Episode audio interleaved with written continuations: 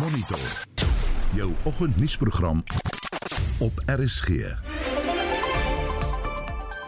In vanoggend se program die repo koers word weer met 75 basispunte verhoog. Jy kan nie die olieprys verlaag deur rentekoerse nie, maar jy wil die proses van inflasie 'n bietjie stadiger maak.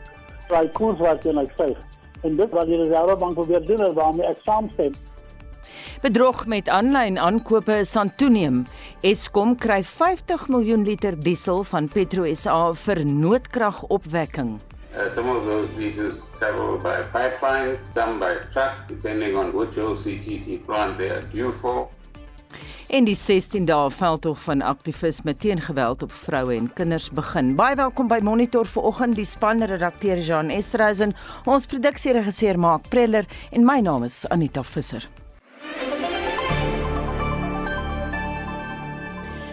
Eienaars van pitbull terriers kan van moord aangekla word sou daar bevind word dat 'n hond met opset aangehits is om iemand dood te byt. So sê 'n regskenner wat byvoeg dat 'n klag van strafbare manslag slegs geld wanneer nalatigheid bewys kan word. Reginald Witboy het meer. Met lewens wat verlore gaan deur die kake van hierdie sogenaamde bose honde kry die versoek om pitbull terriers as troeteldiere te verbied momentum. Baie is van mening dat die pligsversuim om Suid-Afrika se wysigingswet op diere aangeleenthede van 1993 toe te pas geweldig bygedra het tot hierdie gruweldaad. Die Sizwe Kupelo stigting lei die veldtog om hierdie honde in Suid-Afrika te verbied.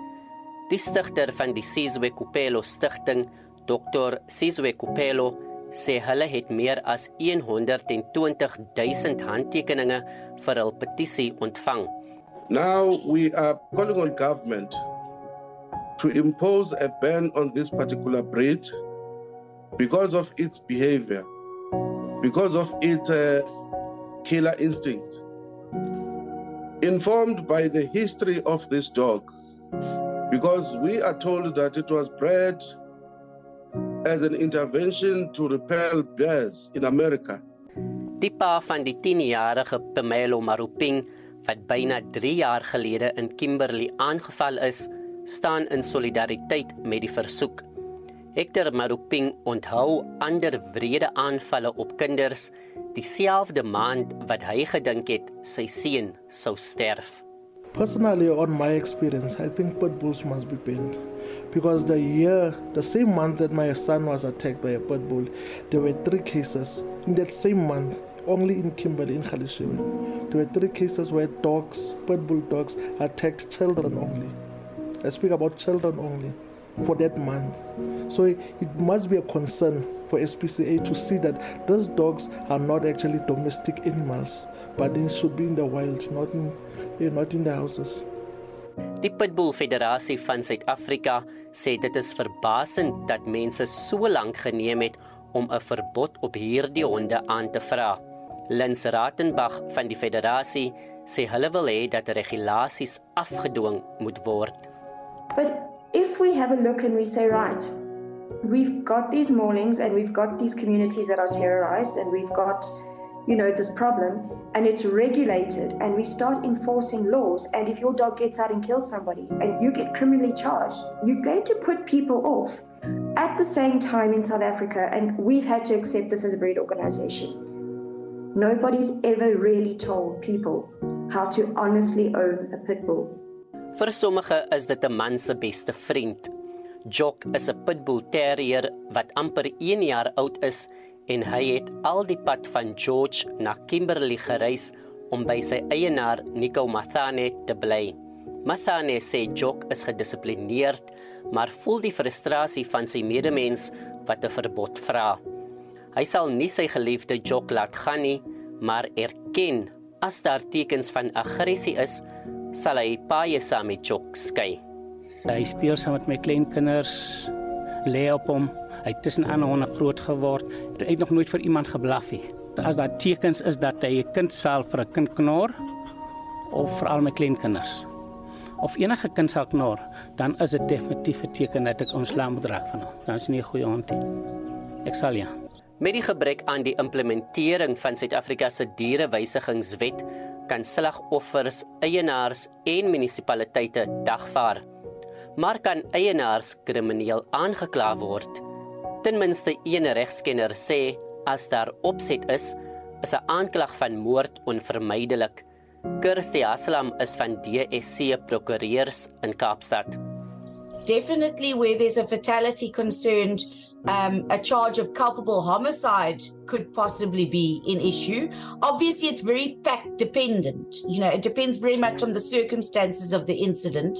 But for example, if you're talking about murder, where intent is obviously a, re- a requirement, if you are in control of your dangerous animal, your pit bull terrier, and let's say you order it to attack someone, you know, like a direct action like that, then certainly that would be a situation where you could contemplate a murder charge. Intussen beskou troeteldier versekeringsmaatskappye hierdie honderras as hoë risiko eisers. Reginald Witboy, SAK-nuus, Kimberley.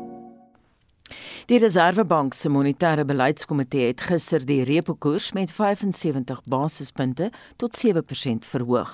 Net soos twee lede van die komitee wat slegs 'n 50 basispunt verhoging wou hê, was dit die ekonom Richard Downing se voorspelling. My hele siening is daar is aanduidings dat die inflasie koers begin afneem. Nou die koers wat afneem beteken nie pryse daal nie, dit beteken net hy styg, pryse styg stadiger. Daarom het ek verwag dat ons met 'n half persent sal kan wegkom persentasiepunte op hierdie stadium want dit internasionale geval dat die inflasie begin afkom in die VS en so aan en wat dat hulle miskien hulle monetêre beleid bietjie verslap tot die mate minder streng maak. Wat dink jy is die rede vir hierdie besluit? As 'n mens luister na die uh, president van die Reservebank dan is eintlik sy groot rede is die risiko van hoër inflasie vir my as ek 'n bietjie daarna gekyk het op hierdie stadium, dan het ek gesien dat in die FSA byvoorbeeld as jou inflasie besig om ietwat sagter te word, maar oor hy die inflasie is 'n bietjie minder as wat hulle verwag het, so die rentekoersbeleid en streng monetêre beleid wat hulle in die FSA begin toepas het, begin weersyfer na jou inflasie toe. En hier by ons is daar ook redelike aanduidings in terme van die PPI byvoorbeeld en verbruikers inflasie verlede maand was nou 'n bietjie van 'n soort van anderster beweging. Maar in terme van die PPE is daar ook aanduidings dat veral intermediêre goedere, met ander woorde goedere wat nou eintlik die tweede ronde effek van inflasie in die produksieprosesse. As redelik getuienis dat die inflasie koers afneem, wat nie noodwendig beteken dat pryse daal nie, maar die proses van inflasie hier raak stadiger. Ek dink dit is wat jy probeer doen met die Reservebank monetêre beleid, so ek te verstaan. Jy kan nie die olieprys verlaag deur rentekoerse nie maar jy wil die proses van inflasie 'n bietjie stadiger maak. Daai koers wat jy nou styg. En dit is wat wat die Reservebank probeer doen en waarmee ek saamstem. Sommige ekonome verwar dat dit my hele die punt van inflasie vlak en dan in die, die proses van inflasie. So het ook dan verwag dat rentekoerse sou styg met 'n halwe persentasiepunt in plaas van die 0.75 soos president van die Reservebank aangekondig het. En my vermoede is dat die risiko's ietwat afneem en dat ons miskien ek dink daar was twee van die monetêre beleidskomitee lede wat ook gesê het half persent is voldoende. So dit wys jy daar is nog al 'n siening wat ook moontlik kan verskil van die kommersiële feit. Wat sal die gevolge hiervan vir die verbruiker wees? Kyk, die verbruiker sweet op die oomblik nog steeds. Dit beteken maar net skuld word net duurder en ek meen jy moet meer van jou inkomste oordra na skuld toe.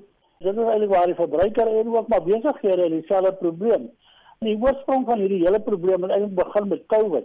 En as jy gaan kyk na wat rentekoerse daar gemaak het en hoe akkommoderend die reservebank was, terwyl jy die produksiekant van die ekonomie eintlik stop, die aanbodkant, het die vraagkant nog steeds aanbeweeg.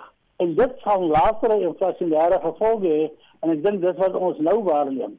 So met ander woorde, jy kan nie noodwendig die hele proses van inflasie stop nie, maar jy kan hom stadiger maak want jy moet nou eintlik daardie verwringing wat jy gehad het rondom COVID en die absolute toemaak van die aanbodkant van die ekonomie en net die vraagkant nog steeds sal voortgaan het en jy eintlik in die monetêre beleid redelik toegewings gemaak en ook aan die fiskale kant. Mense het inkomste gekry weet net om aan die lewe te bly maar daai goed gaan gevolge hê later. En ek dink dit is wat ons nou sien in terme van hierdie inflasie. Maar hy moet homself 'n bietjie uit soos hy weet vorentoe gaan. En dit is wat ek sê, ons is eintlik by 'n proses daar waar 'n aanduiding is dat die inflasiekoers besig is om af te neem. Dit beteken pryse styg nog, maar nie so vinnig moontlik nie. En vir my is die risiko dan iets wat verminder. Want as ek gaan kyk na die oliepryse byvoorbeeld, wat een van die groot oorsake is van hierdie stygings in inflasie, dan het ons te doen gehad met die wisselkoers wat redelik verswak het van die rand en ook die oliepryse wat ernstig gestyg het hier na 120 selfs en sulke vlakke toe. En ons sien die oliepryse wie oomblik internasionaal hier in die omgewing van middel 80 dollar praat ek. En dan sien ons ook dat eh dat ek men die inflasie en die reste as ook besig om af te neem en die rand is redelik stewiger in plaas van onder 17 rand op die oomblik. So daar is faktore, maar daar is al die risiko's daaraan wat vir jou aanlei dat moontlik die koers van inflasie moontlik aan besig wees om af te neem en dat alhoewel monetêre beleid nog steeds stram gaan wees, miskien nie meer so ernstig is as wat dit in die verlede was nie. En so sê die ekonom Richard Downing en hy het met Mitsi van der Merwe gepraat. Eskom het 50 miljoen liter diesel van PetroSA ontvang om te help om die ligte aan te hou.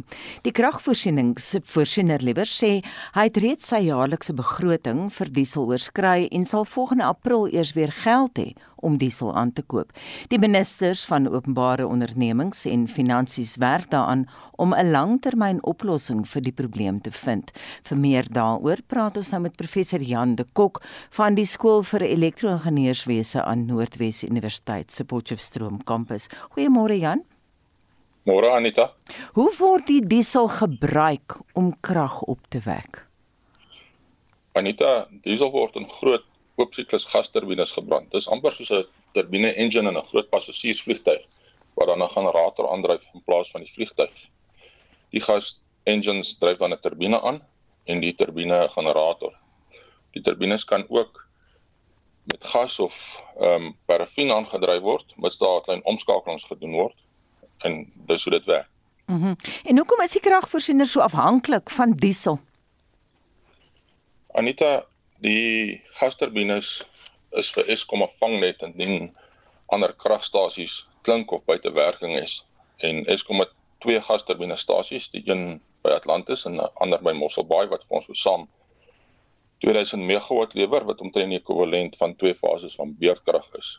Die lae beskikbaarheid van steenkoolkragstasies maak dit vir Eskom op die oomblik noodsaaklik om die gasturbines te gebruik om verdere beurtkrag te vermy. En as voorbeeld daarvan um, vyf van die ses eenhede by Kusili kragstasie is tans buite werking wat omtrent drie fases van beerkrag bydra en Eskom doen dit omdat een fase van beerkrag die Suid-Afrikaanse ekonomie so na raming 500 miljoen rand per dag kos. Hmm. En Jan, hoe lank dink jy kan die 50 miljoen liter diesel ons nou eintlik help? Anita, net 'n ommesientjie um, teen volvrag gebruik hierdie twee gasturbinestasies omtrent 144 liter per sekonde. Kom ek stel dit anders om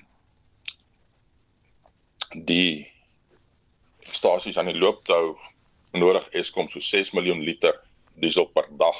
Hmm. Oftewel, dis 150 tankwaans wat elke dag daar moet stop om diesel af te laai.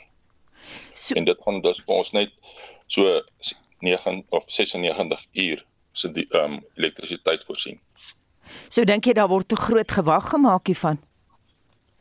Ja, dit is letterlik maar net 'n pleister ons ehm um, gaan help maar nie baie nie. Ek sien ook nou Jan dat Eskom met die nasionale tesourie vir 15 miljard gevra om diesel aan te koop. Wat dink jy daarvan?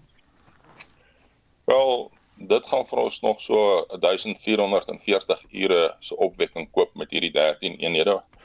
As hulle se 12 ure per dag loop wat Eskom op die oomblik so min of meer die laaste 6 maande wat gedoen het. So dit gaan nie dit gaan help, maar dis ook net 'n korttermyn oplossing. Net vinnig en laasens, eh, wat is jou oplossing op die langtermyn, Jan? Wel, vir eers dink ek spring die private sektor in om op groot skaal PV en windplase op te sit en dit dink ek is 'n tydelike oplossing, maar ons moet op op 'n stadium groot kapitaalprojekte begin om die stelsel te herstel. Baie dankie en daai raad kom van professor Jan de Kok van die skool vir elektro-ingenieurswese verbonde aan die Noordwes Universiteit se Potchefstroom kampus. Swart Vrydag en Kubermaandag skep geleenthede vir kuberdiewe omdat baie mense geneig is om aanlyn winskoopies te soek. Nou ons praat ver oggend met die kuberkenner Haino Gevers van die maatskappy Mimecast oor hoe om veiliger transaksies op die net te doen. Goeiemôre. Goeiemôre Anita. As jy moes sê hoeveel uitvissing aanvalle of phishing soos wat hulle dit in Engels noem is daar nou eintlik ons het ver oggend gehoor van luisteraars uh teenoor wie daar wel bedrog gepleeg is. Inderdaad Anita, kyk wat mense moet verstaan is dat 93% van hierdie kubermisdade gebeur of begin deur 'n e-pos wat 'n skakel het wat uh, natuurlik lei tot een of ander wanware, losprysware of iets wat afgelaai is. So e-pos neig om soort van die die primêre uh, weet um, vektor te wees wat die kibermisdadigers gebruik en dit definitief in uh huidigelik in 'n toena in die toename. Wat van aanlyn advertensies? Ja, kyk die um net soos per e-pos vir die sosiale media platforms van vandag weet um, mense kan skakels deel en natuurlik die advertensies wat daar geplaas word is is baie misleidend. So kibersenters maak absoluut gebruik van sosiale media en en ander aanlyn platforms om hulle nommer 1 hulle slagoffers te identifiseer en natuurlik um 'n pertinente tipe misdaad te beplan en en te loods teen daai persone. So, so die luisteraars moet absoluut versigtig wees in terme van watter inligting hulle op sosiale sosiale media plaas. Asook natuurlik moet dit vermy om enige winskoopies te deel so sonder die nodige verifikasie en van mm. vooraf te doen om mm. te bepaal of dit vals is of nie. Enige kuberslenters waarvan ons moet weet? Ja, kyk dit is maar die die gewone wat 'n uh, gewone kop uitsteek tydens uh, vir die seisoen en en Black Friday soos hulle sal sê. Nommer 1 die wet uitvissing of of fishing. Ehm um, so dit die, die verbruikers moet maar aandagtig wees om te uitkyk vir sogenaamde phishing wat per e-pos, SMS of op sosiale media ehm um, geplaas word. Kiberslente sal die van die weet platforms gebruik maak om gewilde handelsmerke na te boots en dan om persoonlike inligting van verbruikers te bekom soos wagwoorde, kredietkaartbesonderhede ensovoorts. Uh die ander een wat ook baie belangrik is is webtuiste nabootsing waar ehm um, die kykers maar net bedagsaam moet wees op dit die ehm um, uitkyk vir webtuistes wat bekende handelsmerke naboots en kiberkrakers gebruik natuurlik nabootsing uh, as 'n manier om vervalste goedere te verkoop of hmm. weer eens om verbruikers se persoonlike inligting te steel. I know net laastens kan mense ooit die stryd wen. Ja, ek dink seker een van die belangrikste aspekte, kyk dit is een van daai goed wat is ehm um, dit ek dink nie dit gaan iets wees wat ons ooit sal wen nie, maar dit is iets wat ons beter kan word om te reageer teen. Um dis kuberveiligheidsbewustheid is van kan die kardinale belang. Verbruikers moet ingestel wees om hulle kennis en bewustheid rondom kubersekuriteit en huidige neigings te verskerp en sodoende hulle self beter te kan beskerm teen kubermisdade. Baie dankie en daai raad kom van die kuberkenner Haino Gevers van die maatskappy Mimecast. En nou is 'n mes terugvoering uh, Juliana Foster Ellis skryf op Facebook. Ek is maar baie ligtig vir sulke aankope. Ons praat van swart Vrydag en ons praat van aanlyn aankope. En dan skryf uh, Juliana, dit voel altyd vir my, hulle kyk tot in jou bankrekening in. Ek verkies maar die lang pad om winkel toe te gaan. Ek moet sê ek stem saam daar. Hester Jacobs glo, sy sê ek verkies om winkel toe te gaan want ek weet wat die beste pryse daar is en dan sê sy dit is veiliger. Sanet die Jager skryf ek koop graag aanlyn. Ja, ek is al bedrieg, maar nie aanlyn nie. En dan Stefan van Heerden, ek doen nie besigheid oor 'n foon of die internet nie en dan 'n anonieme luisteraar op ons SMS-lyn. Nee, ek doen nie aanlyn koop en aankoop nie juis omdat ek bang is vir bedrog. Ek werk met kontant. Jy kan steeds jou mening deel deur 'n SMS te stuur na 45889. Onthou dit kos R1.50 en praat saam met Monitor en Spectrum en die Facebookblad of WhatsApp stemnota na 076 536 6961. Ek herhaal daai nommer 076 536 6961. Intussen is jy by Monitor. Byna 40 miljoen kinders het verlede jaar 'n geskeduleerde enstofdosis teen masels misgeloop, terwyl 25 miljoen kinders steeds nie hulle eerste inenting ontvang het nie. Volgens die Wêreldgesondheidsorganisasie het inenting sedert die begin van COVID afgeneem. Die WHO sê miljoene kinders is nou vatbaar vir infeksie. Ons praat veraloggend daaroor met professor Hanelie Meyer, sy is hoof van die Suid-Afrikaanse Inentingsentrum wat ook vir verbonde is aan die aptekerskool van die Sefako Magato Mediese Universiteit Noord van Pretoria. Goeiemôre, Hanlie. Goeiemôre Anita. Ons weet nou daar is 'n uitbreking. Hoe erg is dit? Net as jy soos wat jy genoem het, jy weet 40 miljoen kinders het verlede jaar hulle hulle enstowwe teen masels gemis. So dit is nou regtig baie erg en elke dit is basies 'n bedreiging nou vir elke streek, jy weet reg oor die wêreld. Ehm um, so as jy kyk na die dat die getalle in nou in in 2022 is daar ongeveer nou 22 lande wat alreeds groot en ontwrigte uitbrake van masels ervaar het en ehm um, die WHO het ook uh, weet hulle ehm uh, um, gee data beskikbaar en as ons daarna kyk nou in vroeg November is Zimbabwe ehm um, nommer 4 en Nigerië nommer 5 op die lys van die top 10 lande wat reeds ehm um, masels um, uitbrake ervaar het en en wat kommerwekkend is in Zimbabwe het daar reeds 6000 ehm um, ag 704 um, kinders gesterf of mense gesterf as gevolg hmm. van masels. So dit is regtig baie erg en nou in Suid-Afrika ook. Ons het nou uitbrake gesien in twee van ons provinsies in um Mpumalanga en in um en in Limpopo waar dit nou geïdentifiseer is as uitbrake, maar daar is ook sporadiese gevalle in ander provinsies alreeds, weet nie Noord-Kaap, Vrystaat, Gauteng en in die Wes-Kaap. Jy het nou verwys na Zimbabwe en Nigerië. Is die uitbrekings hoofsaaklik in die ontwikkelende wêreld?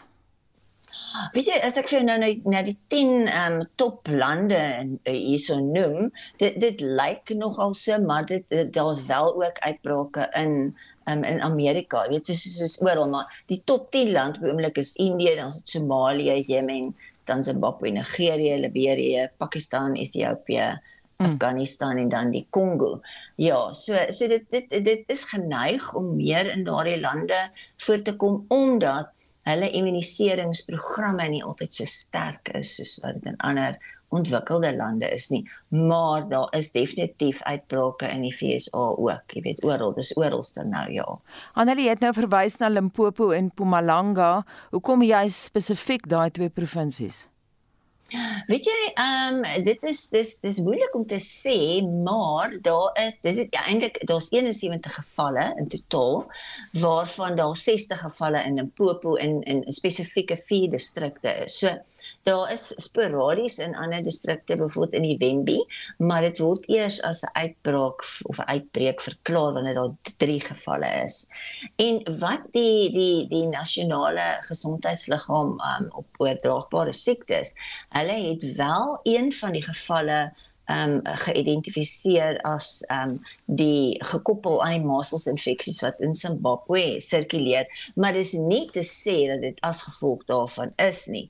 Dit is dit het maar net eintlik een geval nodig om jy weet 'n klomp mense aan te steek wat dan nou um nie ingeënt is teen teen masels nie. En hoe aansteek en, en dan gaan dit nou maar ja, dan gaan dit nou maar van die een provinsie na die volgende een toe. So dit is ongelukkig 'n probleem. Adlie, hoe aansteeklik is masels? Masels is baie baie baie aansteeklik. Dit is seker die mees aansteeklikste, um, jy weet, oordraagbare siekte. So een persoon met masels kan 12 tot 18 ander mense besmet. Ehm um, so dit is eh, as jy dit nou met COVID-19 vergelyk, dit is baie baie aansteeklik en die uitkomste is ook is ook baie sleg. Maar dit kan voorkom word. Ons het 'n baie goeie ehm um, uh, enstof teen masels, 'n twee dosis enstof en dit ehm um, is ongeveer, jy weet, uh, is gee vir jou ongeveer ehm um, 97% doeltreffendheid om ernstige siekte en dood te voorkom.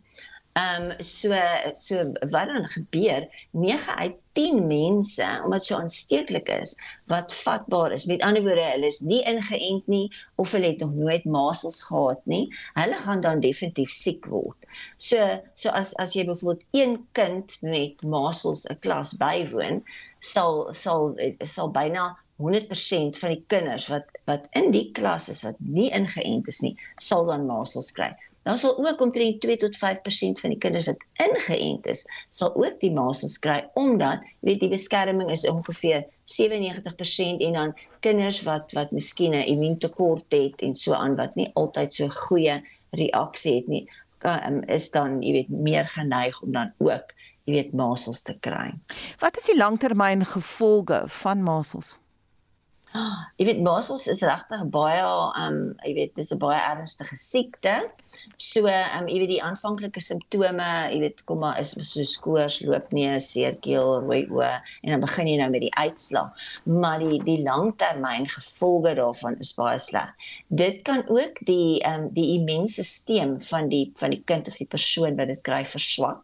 Met ander woorde die kind kan dan um, is dan meer weet vatbaar vir ander siektes en dan masels lei dan ook maklik tot longontsteking, breinontsteking, um, blindheid, um, um, dehydrasie, diarree. So die uitkomste daarvan is is baie sleg. Soos ek genoem het, daar's al reeds 704 mense dood in Zimbabwe as gevolg van masels. Ek nie besef van die breinontsteking en die longontsteking nie. Baie dankie ja, vir ja. daardie eh, vir daardie inligting. Dit dan uh, Hanelie Meyer hoof van die Suid-Afrikaanse Inentingsentrum. Baie welkom by Monitor. My naam is Anita Visser. Die 16 dae van aktivisme veldtog teen geslagsgeweld is sedert 1991 'n inisiatief wat deur die VN gekoördineer word. Die doel is om geweld teen vroue en kinders te probeer voorkom en selfs te probeer uitwis. Misdaadstatistiek tussen 1 Julie en 30 September dui aan dat 10000 verkrachtings in die tydperk in ons land aangemeld is. Ons praat ver oggend hier oor met Deline Roberts van die Nasionale Skuilingsbeweging. Goeiemôre Deline. Goeiemôre, hoe gaan dit? Goed, dankie. Dis skokkende statistiek daai. Is jy verbaas daaroor? Ehm um, tot in tot mate ja. Ehm um, en um, dit is eintlik baie hartseer want dit bewys net vir ons dat um, ons regering en justisie departement is eintlik faal. En dan wil ek ook net by sê dat um, die 10000 is die aangemelde mm. um, die totaal. Wat van die onaangemelde? En hoeveel reken jy is die? Ehm um, seker plus minus dieselfde. Want hmm. baie mense ehm um, gaan nie gaan nie voort met dit of hulle gaan nie na die hulle word altyd beoordeel. Delien, ons weet nou van die nasionale skuilingsbeweging, maar daar is luisteraars wat nie weet nie. Vertel gou vir ons wat julle doen. Ehm um, die nasionale skuilingsbeweging bestaan uit plus minus 100 ehm um, skuilings reg oor in um, Suid-Afrika. En in elke provinsie is daar verskillende ehm um, skuilings en ons um, doen ons uh, ons probeer wel die nasionale skuiling probeer om um, die regering en alles moontlik saam te doen as wat individuele um, skuilings te doen. Sê net vir my, ons kyk nou na die statistiek. Jy sê die wat nie aangemeld word nie is dalk dieselfde aantal en so aan. Hoekom dink jy het ons so 'n probleem met verkrachting en so aan spesifiek in ons land? Wel, ehm um, ek om om eerlik te wees, ek dink dat daar is ehm um, daar is wel organisasies wat ehm um, nie dat met mans praat, maar ek dink daar is te man. Ons wil eintlik hê dat mans met mans bemoedig om om te verhoed om hierdie dinge te doen. Want op die oomblik ehm um, is ons klomp vrouens wat ehm um, hier voor staan ons die nasionale um, skuilingsbeweging die meerderheid van die mense op die beweging is is vrouens en ons sê as vrouens ons moet keer die mans om saam met ons te staan om dit te beveg. Kom ons kyk na die regstelsel. Ek weet julle is op rekord, uh, julle het gesê dit is nie slagoffer gesentreerd nie. Wat presies bedoel julle daarby Delien? Ehm um, wel wanneer die slagoffers ehm, 'n um, saak aanmeld, um, dan is hulle ook vir 'n sekondêre victimisasie en ehm um, daar is nie 'n multisektore benadering um, teenoor 'n uh, slagoffers nie. So wanneer die slagoffer by die polisiestasie aankom, dan um, word hulle so geterroriseer ge en en gevra dat hulle eintlik meer ehm um, self voel eintlik slegter as iets anders. Sê fyn, dink jy hierdie 16 dae veldtog wat ons jaarliks het, dink jy regtig dit maak 'n verskil? Ja, um, ek dink um, dit dit maak wel 'n verskil want ons deel ons insigte met die publiek en um, maar ons moet dit heel jaar doen. Kom ons kyk na die polisie. Uh, waar kan hulle verbeter as jy raad moes gee? Wat sê jy sê? Ehm um, dat die polisie meer ehm um, sensitief moet wees en hoe hulle die die slagoffer ehm um, benader, hoe hulle met hulle ehm um, praat wanneer hulle in in by die polisiestasie opdag. Ehm um, by byvoorbeeld, ehm um, ons vind uit dat eh uh, dat 'n 'n taal ehm um, barrier jammer vir ek nou nie die Afrikaanse woord bekend kom nie. Um, maar dat dat as 'n slagoffer daar kom en um, hulle eerste taal is nie Afrikaans nie of hulle hulle hulle eerste taal is nie Engels nie, dan bekom dit um, moeilik want die persoon wat daar sit um, is miskien 'n Engels spreker. Nou probeer die persoon vir hulle verduidelik um, wat het gebeur en dan is daar 'n soort van 'n miskommunikasie. Dalk is so, Delien, dalk is daar luisteraars wat jou raad benodig vanoggend. Gee vir ons 'n nommer waar mense kan bel. Um wel die um die skuiling beweging het 'n nasionale hulplyn en die daardie nommer is 0800 001 005. Herhaal. Herhaal ons hy nommer 0800 0800 001 005 en hulle mag ook na die die die um, webwerf toe gaan wat um, www.nsmsa.org.za um, om meer inligting te kry. Baie dankie en so sê Delien Roberts van die Nasionale Skuilingsbeweging. Ons is te midde van die sogenaamde omgeeveldtog, 'n 2 weke veldtog. Deur verander om te gee, gee jy ook om vir jouself en dit hou voordele vir jou ook in. Daarom praat Dr Willem Botha vanoggend oor omgee, altruïsme en dan 'n vreemde woord. Niemand van ons weet wat dit beteken nie. Oikofobie. Goeiemôre Willem. Goeiemôre Anita, lekker om jou weer te hoor. Ja, baie lekker om met jou te praat. Hoe belangrik is die omgee vir mekaar dink jy? Anita, dit is baie belangrik want ons leef in 'n stikkende wêreld soos professor Lizet Rabe in 'n onlangse artikel aantoon. As jy omgee vir ander, maak jy die wêreld 'n beter plek, ook vir jouself. Net 'n glimlag of 'n kompliment kan iemand sy lewe lank bybly. Ons kan almal 'n kompliment onthou wat ons baie jare gelede gekry het. Daardie persoon mag dan daarna die waarde van 'n kompliment besef en vir ander iets beteken beteken deur ander self te komplimenteer. Navorsers het bevind dat goeie dade die goedvoelhormone in jou brein vrylaat. Wat beteken dat jy ook goed voel oor jouself. Om deernis met ander te hê, beteken dat jy ook deernis met jouself het. Dus as jy ander help, jy help jy eintlik jouself. Nou wat kan elkeen van ons doen om goedheid los te laat in ons wanfunksionele wêreld? Ons kan by onsself begin deur ons seëninge te tel en dankbaar te wees. Verras jouself en begin dink hoe jy 'n verskil kan maak in iemand anders se lewe. Altruïsme is die verskynsel dat jy die fokus wegneem van jouself en die fokus op ander plaas. Jy sorg vir ander se behoeftes en belange. Altruïsme is afgelei van die Latyn alter wat ander beteken. Altruïsme moet egter nie lei tot oikofobie nie. Dit is die vrees vir die eie. 'n Toestand waarin iemand hom byvoorbeeld sou probeer onttrek aan wat sy eie is, wat eie is aan sy identiteit en homself as 'n ware verloon. Die oiko van oikofobie is afgelei van Latyn oikos wat huis beteken en fobie dit kom van Latyn vir vrees. Hmm. Nou, nou wyne aartsbiskop Desmond Tutu het die volgende te sê gehad oor omgee en deernis. Doen jou bietjie goed waar jy is. Dit is daai klein dade wat die wêreld oorweldig. kom ons oorweldig ons wêreld met klein bietjies omgee. Baie goeie raad, baie dankie Willem. Dr Willem Botha is die uitvoerende direkteur van die Woordeboek van die Afrikaanse taal. Onthou sou jy 'n woord wou borg of kook, koop liewer, besoek www.wat.co.za of Google eenvoudig borg 'n woord. Black Friday steeds een van Twitter se gewildste onderwerpe, daarmee saam name van bekende kettingwinkels soos Makro en Shoprite. En dan is die hitsmerk Reserve Bank al meer as 5000 keer gedeel op Twitter. Dit na die repo koers weer verhoog is.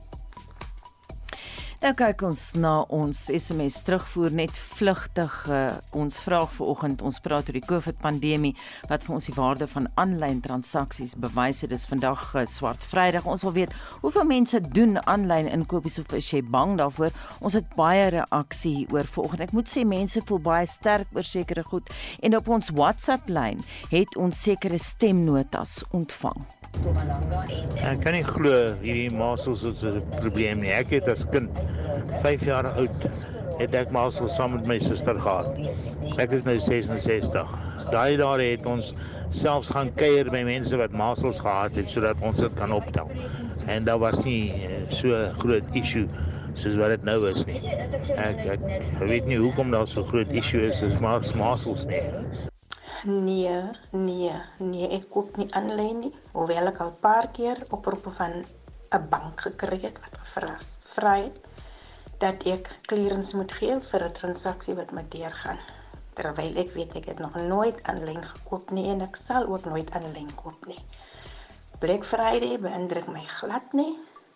Nee, ek koop net wat nodig is binne my budget. Is my op Aberdeen.